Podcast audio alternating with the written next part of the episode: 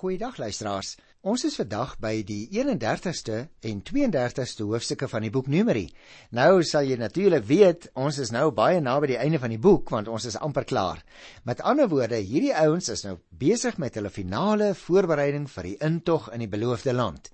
En nou is die Here nog steeds besig om met hulle te werk. Maar een van die dinge wat hulle nou op hierdie stadium nog teëgekom het, was dat daar vir hulle oorlog voorgelê het. 'n oorlog teen die Midianiete waarvan ons lees in Numeri by die 31ste hoofstuk. Maar voordat ek nou aan die hoofstuk aandag gee, wil ek net vir jou so ietsie vertel van hierdie Midianiete.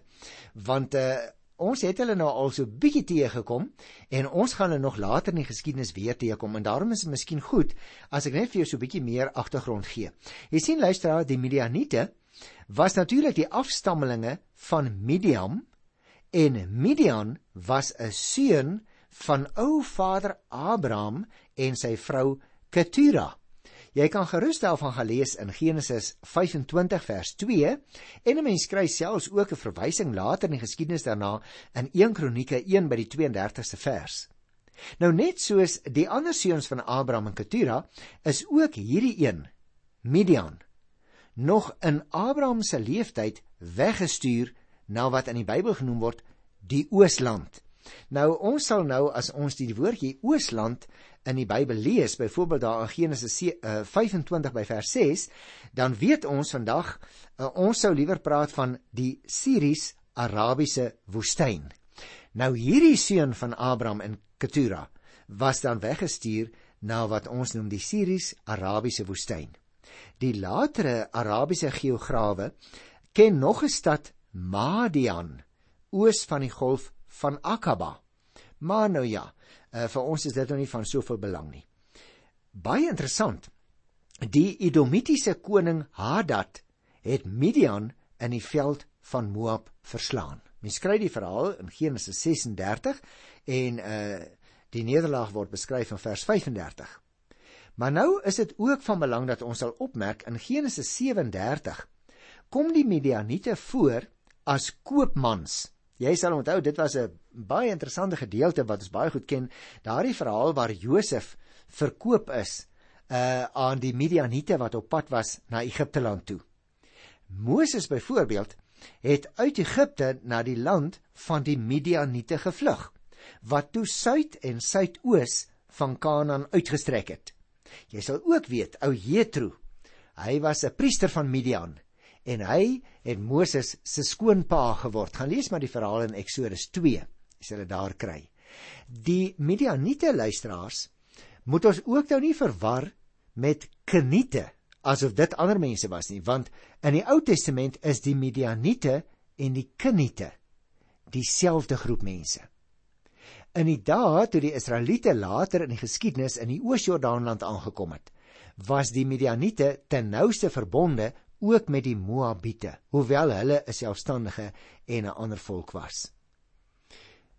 Ten slotte uh, nog miskien net dit, die Midianiete het ook op aandrang van Biliam. Nou jy sal onthou, ons het uh, 'n Numeri van die 25ste hoofstuk af heelwat gepraat oor Biliam. Daai waar sê hy wat plase vind het uh toe uh, die koning van die Midianiete hom geroep het vir Biliam geroep het om vloek uit te spreek oor die Israeliete en hy begin toe jou waarlik waar om hulle te seën. Maar ons lees dat uh, daardie Midianiete op aandrang van Biliam ongelukkig die Israeliete tot ontug verlei het. Kyk maar in die 25ste hoofstuk van Numeri by die 16de vers. En daarom het die Here toe vir Moses beveel om die Midianiete as vyande te behandel en hulle ook dood te maak. En Numeri 31 vertel nou vir ons hoe die Israeliete bloedige wraak op hierdie Midianiete geneem het. En toe is ook verskeie konings, en my waarheid sê daar word 5 van daardie konings se name genoem wat almal deel van hierdie Midianitiese groep mense was vir ons in hierdie hoofstuk genoem. Jy kan dit maar self gaan lees daar. En na die verdrukking deur die Midianiete en die geweldige oorwinning wat later deur Gideon oor hulle behaal is en waarvan mense lees in Rigter 6 vers 8. Daarna lees ons nooit weer van die Midianiete in die Bybel nie. Dis baie interessant. Ehm um, en daarom uh het ek nou so 'n bietjie op hulle uh, uitgebrei en stil gestaan want hulle was op 'n stadium geweldig prominent hier in die geskiedenis voordat die Israeliete ingetrek in die beloofde land, maar daarna verdwyn hulle as dit ware uit die gesigsveld en lees ons later glad nie meer van hulle nie.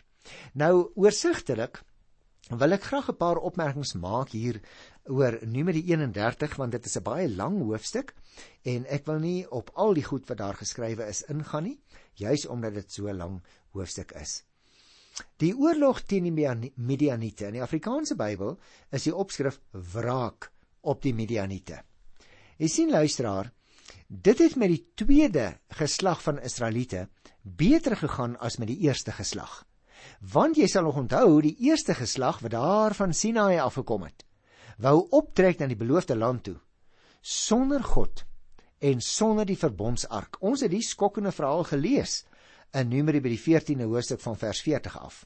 En natuurlik, daardie deel van die mense wat toe weggetrek het, teen die vyand wou gaan veg, hulle is oorweldig en hulle is uitmekaar gejaag daar by die plek met die naam van Gorma. Ons het daaroor gepraat toe ons hoofstuk 14 behandel het. Nou het ons te maak met 'n nuwe geslag. Dit wil sê, dit wil sê mense wat nou tydens die woestyn tog gebore is.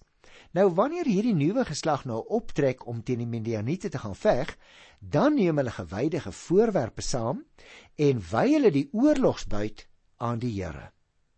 En luisteraars, die verhaal vertel vir ons hier in Numeri 31, hulle was so suksesvol dat daar selfs nie eens een enkele manskap in die geveg gesterf het nie. Kyk maar daarin vers 48 en 49. Maar wat vir my nog meer verbasend is, toe ek hierdie 31ste hoofstuk in Numeri gelees het, is dat hulle met slegs 12000 man gaan veg het. Dit was met ander woorde maar 'n eintlik 'n baie klein deeltjie van al die manskappe wat met die sensus getel is daar in die 26ste hoofstuk.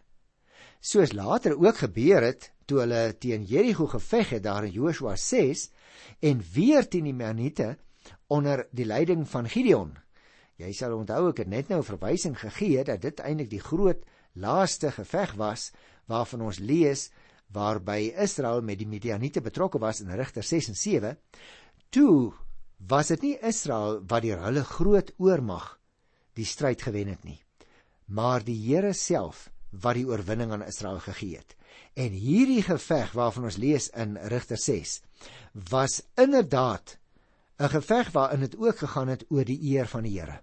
En toe die Moabiete en die Midianiete se vrouens by Sittim die Israeliete van hulle God afgerokkel het en agter afgode aanverlei het, toe het die Here vir Moses beveel om die Midianiete as vyande te beskou en hulle dood te maak. En daardie opdrag het Israel van die Here gekry in Numeri 25 by vers 17. Nou in hierdie geveg dan gee Israel gehoor aan God se bevel. Dit is egter weer nie Israel wat God se eer red nie, maar God self deur middel van sy volk. Jy sien luisteraar, die Here se eer word weer herstel en Israel se trou aan hom word herbevestig. Die volk maak wel buit in die geveg, maar hulle erken dadelik dat dit God se geveg is en dat dit hy is wat die oorwinning aan hulle gee. Die Here sluit nie sy volk uit van die eer wat hulle ontvang vir hulle oorwinning nie. Ook nie 'n groter deel van die volk wat nie saam gaan veg het, uh, word uitgesluit nie. Hulle ontvang ook 'n deel van die oorlogsbuit. Die Here staan met ander woorde as ek dit so kan uitdruk luisteraars in 'n alliansie met sy volk en niemand is bestand teen hierdie alliansie waar die Here ook uh, saam met sy mense veg in hierdie oorlog nie. Nou kan ons dit so sê, aan die een kant van hierdie gebeure staan dus die Midianiete en Biliam. Hulle ontvang in die geveg die loon van mense wat 'n wig probeer indryf tussen die Here en sy en sy volk. Hulle het probeer om Israel se rug te breek deur hulle van God af te rokkel. Maar God se oordeel oor hulle was seker en hulle is vernietig. Aan die ander kant, aan die ander kant staan die wat aan die Here behoort. Hulle wat in hom hulle krag en hulle sterkte vind. Mag ek dit so sê luisteraars? Hulle deel met jou en met my die sekerheid wat ons bely dat daar hoegenaamd niks of niemand is wat ooit vir ons uit die hand van die Here kan ruk nie. Onthou jy nie? Die Here Jesus het dit dan self gesê in Johannes 10 vers 28: "Julle is in my hand en niemand sal julle uit my hand ruk nie." Paulus vertel ook daarvan. Ons is in die Here Jesus seker dat ons in die triomftog van Christus is. Gaan kyk gelyk gerus in 'n eh, Kolossense 2 by die 15de vers dat ons dus as dit ware saam met hom marcheer. Hy wat die magtige en die kragtige een is en hy wat sy vyande aan hom onderwerp. Ons is maar net instrumenteel. Ons kan dus durf en vreesloos op God vertrou. Al blaas die hel van woede by sekere tye. Kom ek wys net sekere van die interessante aspekte uit hier in Numeri 31. Ehm um, hier by vers 4 staan daar byvoorbeeld: Stuur uit elke stam van Israel 1000 man om te gaan veg. As 'n mens dit nou vergelyk byvoorbeeld met Rigters 20, daar van die 8ste vers af, dan sien jy dit was maar net 1/10de van die weerbare man uit elke stam wat gestuur word uh om daardie klomp mense te gaan straf daar in Midian. Met ander woorde, jy sou kon sê menslik gesproke was dit vir Israel onmoontlik om die oorwinning te behaal. Maar dit was 'n opdrag van die Here. En dit was in volle vertroue dat die Here die oorwinning gaan gee, soos wat hy beloof het. Luister byvoorbeeld na vers 5. Daar is toe 12000 man uit die stamme van Israel aangewys. 1000 uit elke stam, almal toegerus vir die oorlog. Hier word met ander woorde die weermag ook beperk om juis te bevestig dat die oorwinning regtig van die Here afkom. Luister na vers 6. Moses het hulle 1000 uit elke stam, let nou op, saam met Pinias, die seun van die priester Eleazar gestuur om te gaan veg. Pinias het gewyde voorwerpe, die trompette om die syne te gee, saamgevat. Is baie interessant vir my want uh, hierdie Pinias wat hier die leier is van die ekspedisie, uh omdat dit 'n oorlog is, waar daar vir die Here geveg word. En jy sal nog onthou luisteraar, die hoë priester Eleazar, hy was Pinias se pa en hy kon natuurlik nie die leer lei nie omdat hy geen kontak met dooies mag gehad het nie. En die gewyde voorwerpe wat Opinias nou saamneem in die stryd was waarskynlik, dit word nie gesê nie, maar waarskynlik was dit die ark.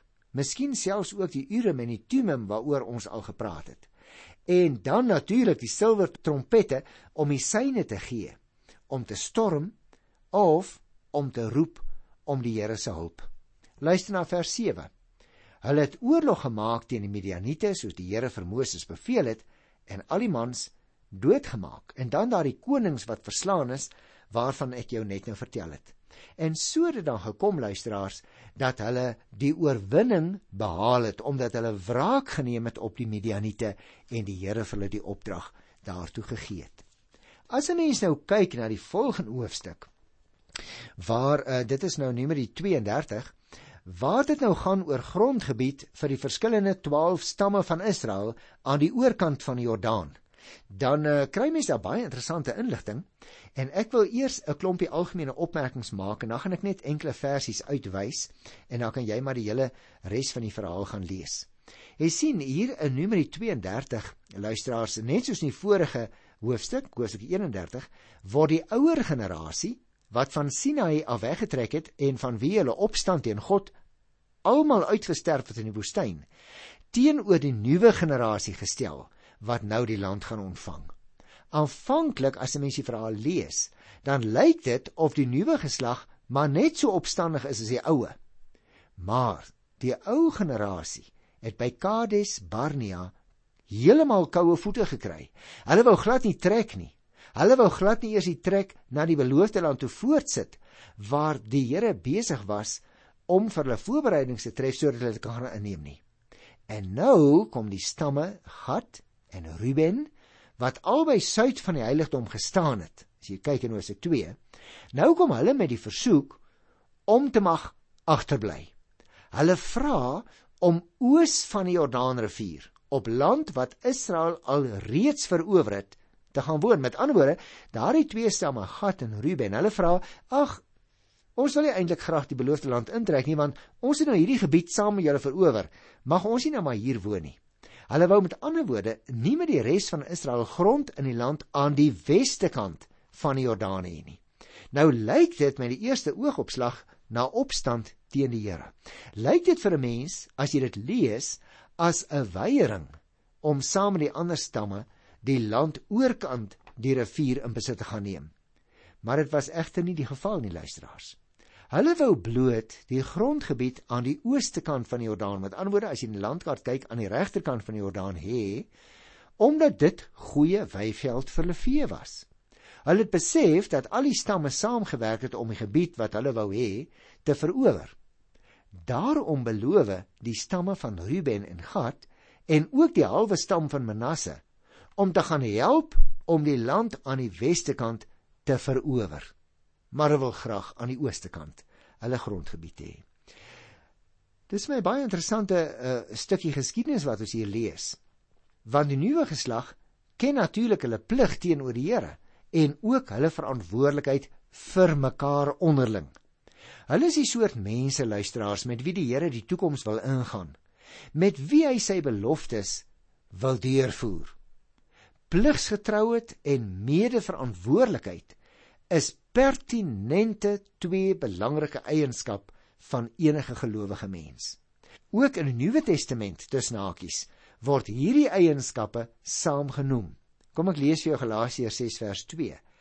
Dra mekaar se laste en gee op die manier uitvoering aan die wet van Christus. En luisteraars, ek sou wou sê, dit is mos nou soos mense wat aan die Here behoort. Hulle hulle deur die gees van die Here laat lei sodat ons mekaar help, mekaar bystaan en so die wil van die Here deurvoer. En dit is ook wat hierdie ouens se gesindheid was. Hulle het dus nie in opstand gekom deur te sê ons wil aan die ooste kant van die Jordaan bly nie. Hulle het gesê ons sal eers gaan, ons sal help dat julle die weste kant gaan verower, maar uiteindelik sal ons heeltemal tevrede wees. Ons sien hier aan die ooste kant van die Jordaanrivier, hier is genoeg gras en hier is genoeg weiveld vir ons vee. En dit is natuurlik aan hulle toegestaan. Ek wil graag 'n opmerkingie maak hier by Numeri, die 32ste hoofstuk, spesifiek net by die 8ste vers. Daar kry ons hierdie interessante woorde, miskien moet ek maar vers 7 ook lees. Waarom wil julle die ander Israeliete ontmoedig om na die land toe te trek wat die Here vir hulle gegee het? En dan vers 8. So het julle voorvaders ook gemaak toe ek hulle van die Kades Barnea gebied af gestuur het om die land te verken. Jy sien luisteraars, uh, Moses het met hulle in gesprek gegaan. Eers vir hulle gevra, maar uh, wil julle dan nou as dit ware die ander ouens wat die land moet gaan oor gaan verower in die steek laat? Wil julle ontmoedig? En dan moet jy maar self gaan lees en dan sal jy sien hulle sê nee, nee, ons sal ons sal eers vir hulle gaan help. En dan sal ons terugkom na hierdie grondgebied aan die ooste kant van die Jordaan. Let op vers 9 want dit is 'n interessante mededeling wat ons daar kry. Hulle het tot by Eskol spruit gegaan in die land verken en toe die Israeliete ontmoedig sodat hulle nie na die land toe wou gaan wat die Here vir hulle gegee het nie. Nou jy sien luisteraars, hierdie 12 fonteine waarvan ons hier lees in die 9de vers en die 70 palmbome is 'n wonderlike ontdekking in die woestyn. Joodse skrifverklaarders het hiervan 'n allegorie gemaak as sou die 12 fonteine op die 12 stamme betrekking hê en elke palmboom op 'n lid van die Sanhedrin in die tyd van die Nuwe Testament, maar mens kan dit natuurlik nie so sien nie. Luisteraars, in plaas van nou presies te gaan kyk na die uh, verdeling van die land, ons sal dit tog nie net so uit ons koppe kan onthou as ons uh, nie 'n landkaart voor ons het nie, wil ek graag vir jou net so 'n bietjie nog vertel van dinge wat ek belangrik ag as hierdie mense nou die beloofde land gaan intrek naamlik so ietsie van die hoogland waar hulle hulle bevind. Eerstens wil ek graag daarop wys dat die gebied hier aan die ooste kant van die Jordaan natuurlik 'n baie gesonde gebied was, hoor. Want juis omdat dit hoog gelê het en 'n goeie reënval gehad het, is dit een van die gesondste gedeeltes in daardie gebied wat later genoem is Palestina. Daar's 'n baie ou reisiger wat reisverhale geskryf het, uh, eh, G.A. Smith.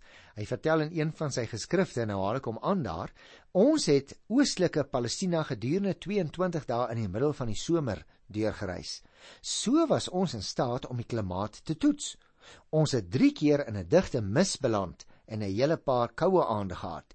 Elke oggend teen 10uur waai daar 'n luggie van die weste met ander woorde van die gebied van die uh, dooie see af luisteraars waai daar 'n luggie van die weste af tot sononderhou dit aan.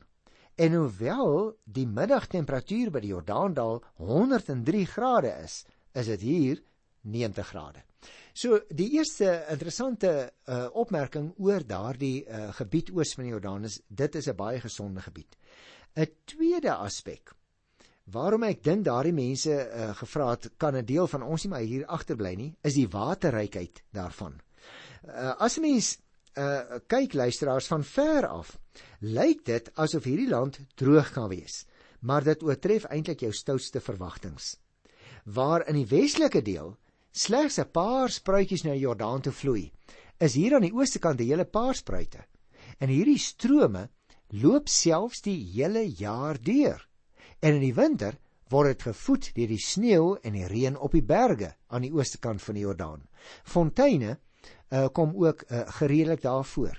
'n Derde in, interessante eienskap is die vrugbaarheid van daardie gebied aan die ooste kant van die Jordaan. Dis eintlik om die waarheid te sê 'n besonder vrugbare gebied. Weelderige plante groei kom oral voor. Landbou is 'n groot sukses in daardie omgewing. Jy sien, die vulkaanstreek is goeie graangrond en die noordelike Gilead het groot woude. Die suidelike gedeelte weer is beroemd vir sy uitstekende weiveld en sy landbougrond. Met die goeie reënval wat dit dan nou boonop kry, is dit eintlik 'n baie voorspoedige streek. Ek wil 'n vierde eienskap noem. Ek het drie genoem. Dis 'n gesonde gebied. Dit is waterryk en dit is vrugbaar. En nou interessant. Een van die nadele waarin hierdie gebied wel mank gaan, is dat hy oop is na die woestyn toe. Jy sien, dit was nooit 'n goeie vesting vir Israel nie, juis omdat dit geen weerstand teen die vyand wat uit die verdere uit die ooste sou kom kon bied nie. En met uh, begeerige oë dan ook het die woestynstamme na die vrugbare hoogland gekyk en dit dikwels 'n geslaagde aanvalle op hulle geloods.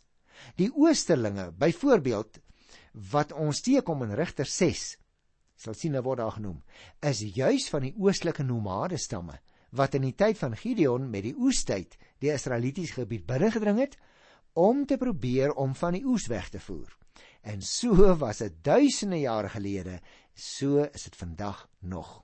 Daar word byvoorbeeld vertel dat woestynstamme vandag nog in ons tyd telkens nog in die loop uh van die uh jaar verskillende invalle op die hoogland maak. Met ander woorde, die nomade stamme wat verder oos woon en wat dan nie genoeg uh, kos het om te eet nie, hulle val van tyd tot tyd vandag nog daardie oostelike gebied aan die regterkant van die Jordaan in. Nou luisteraars, dit bring ons aan die einde van hierdie program vandag en dan bly daar nou nog net een program oor oor die boek Numeri. Ten slotte wil ek dan vandag sê, ons het nie net gekyk na 'n woestyn tog nie. Ons het as dit ware ook nog gekyk na hoe dat mense tot op die laaste gekom het na Moses met 'n versoek en sê die stamme van Ruben en Gad ag ons sal julle help om die beloofde land in te neem. Maar gee dan vir ons grondgebied as die grond die uh, in die uh, beloofde land uitgedeel word. Uh, gee vir ons hierdie gebied. Hier is genoeg gras uh, en plante groei sodat ons vee hier kan bestaan. En uit wat ek jou nou net vertel het kan ons nou baie goed begryp hoekom hulle hierdie versoek gerig het Luisteraars, ek groet julle dan uh op hierdie uh, geografiese punt tot volgende keer so die Here wil. Tot dan. Totsiens.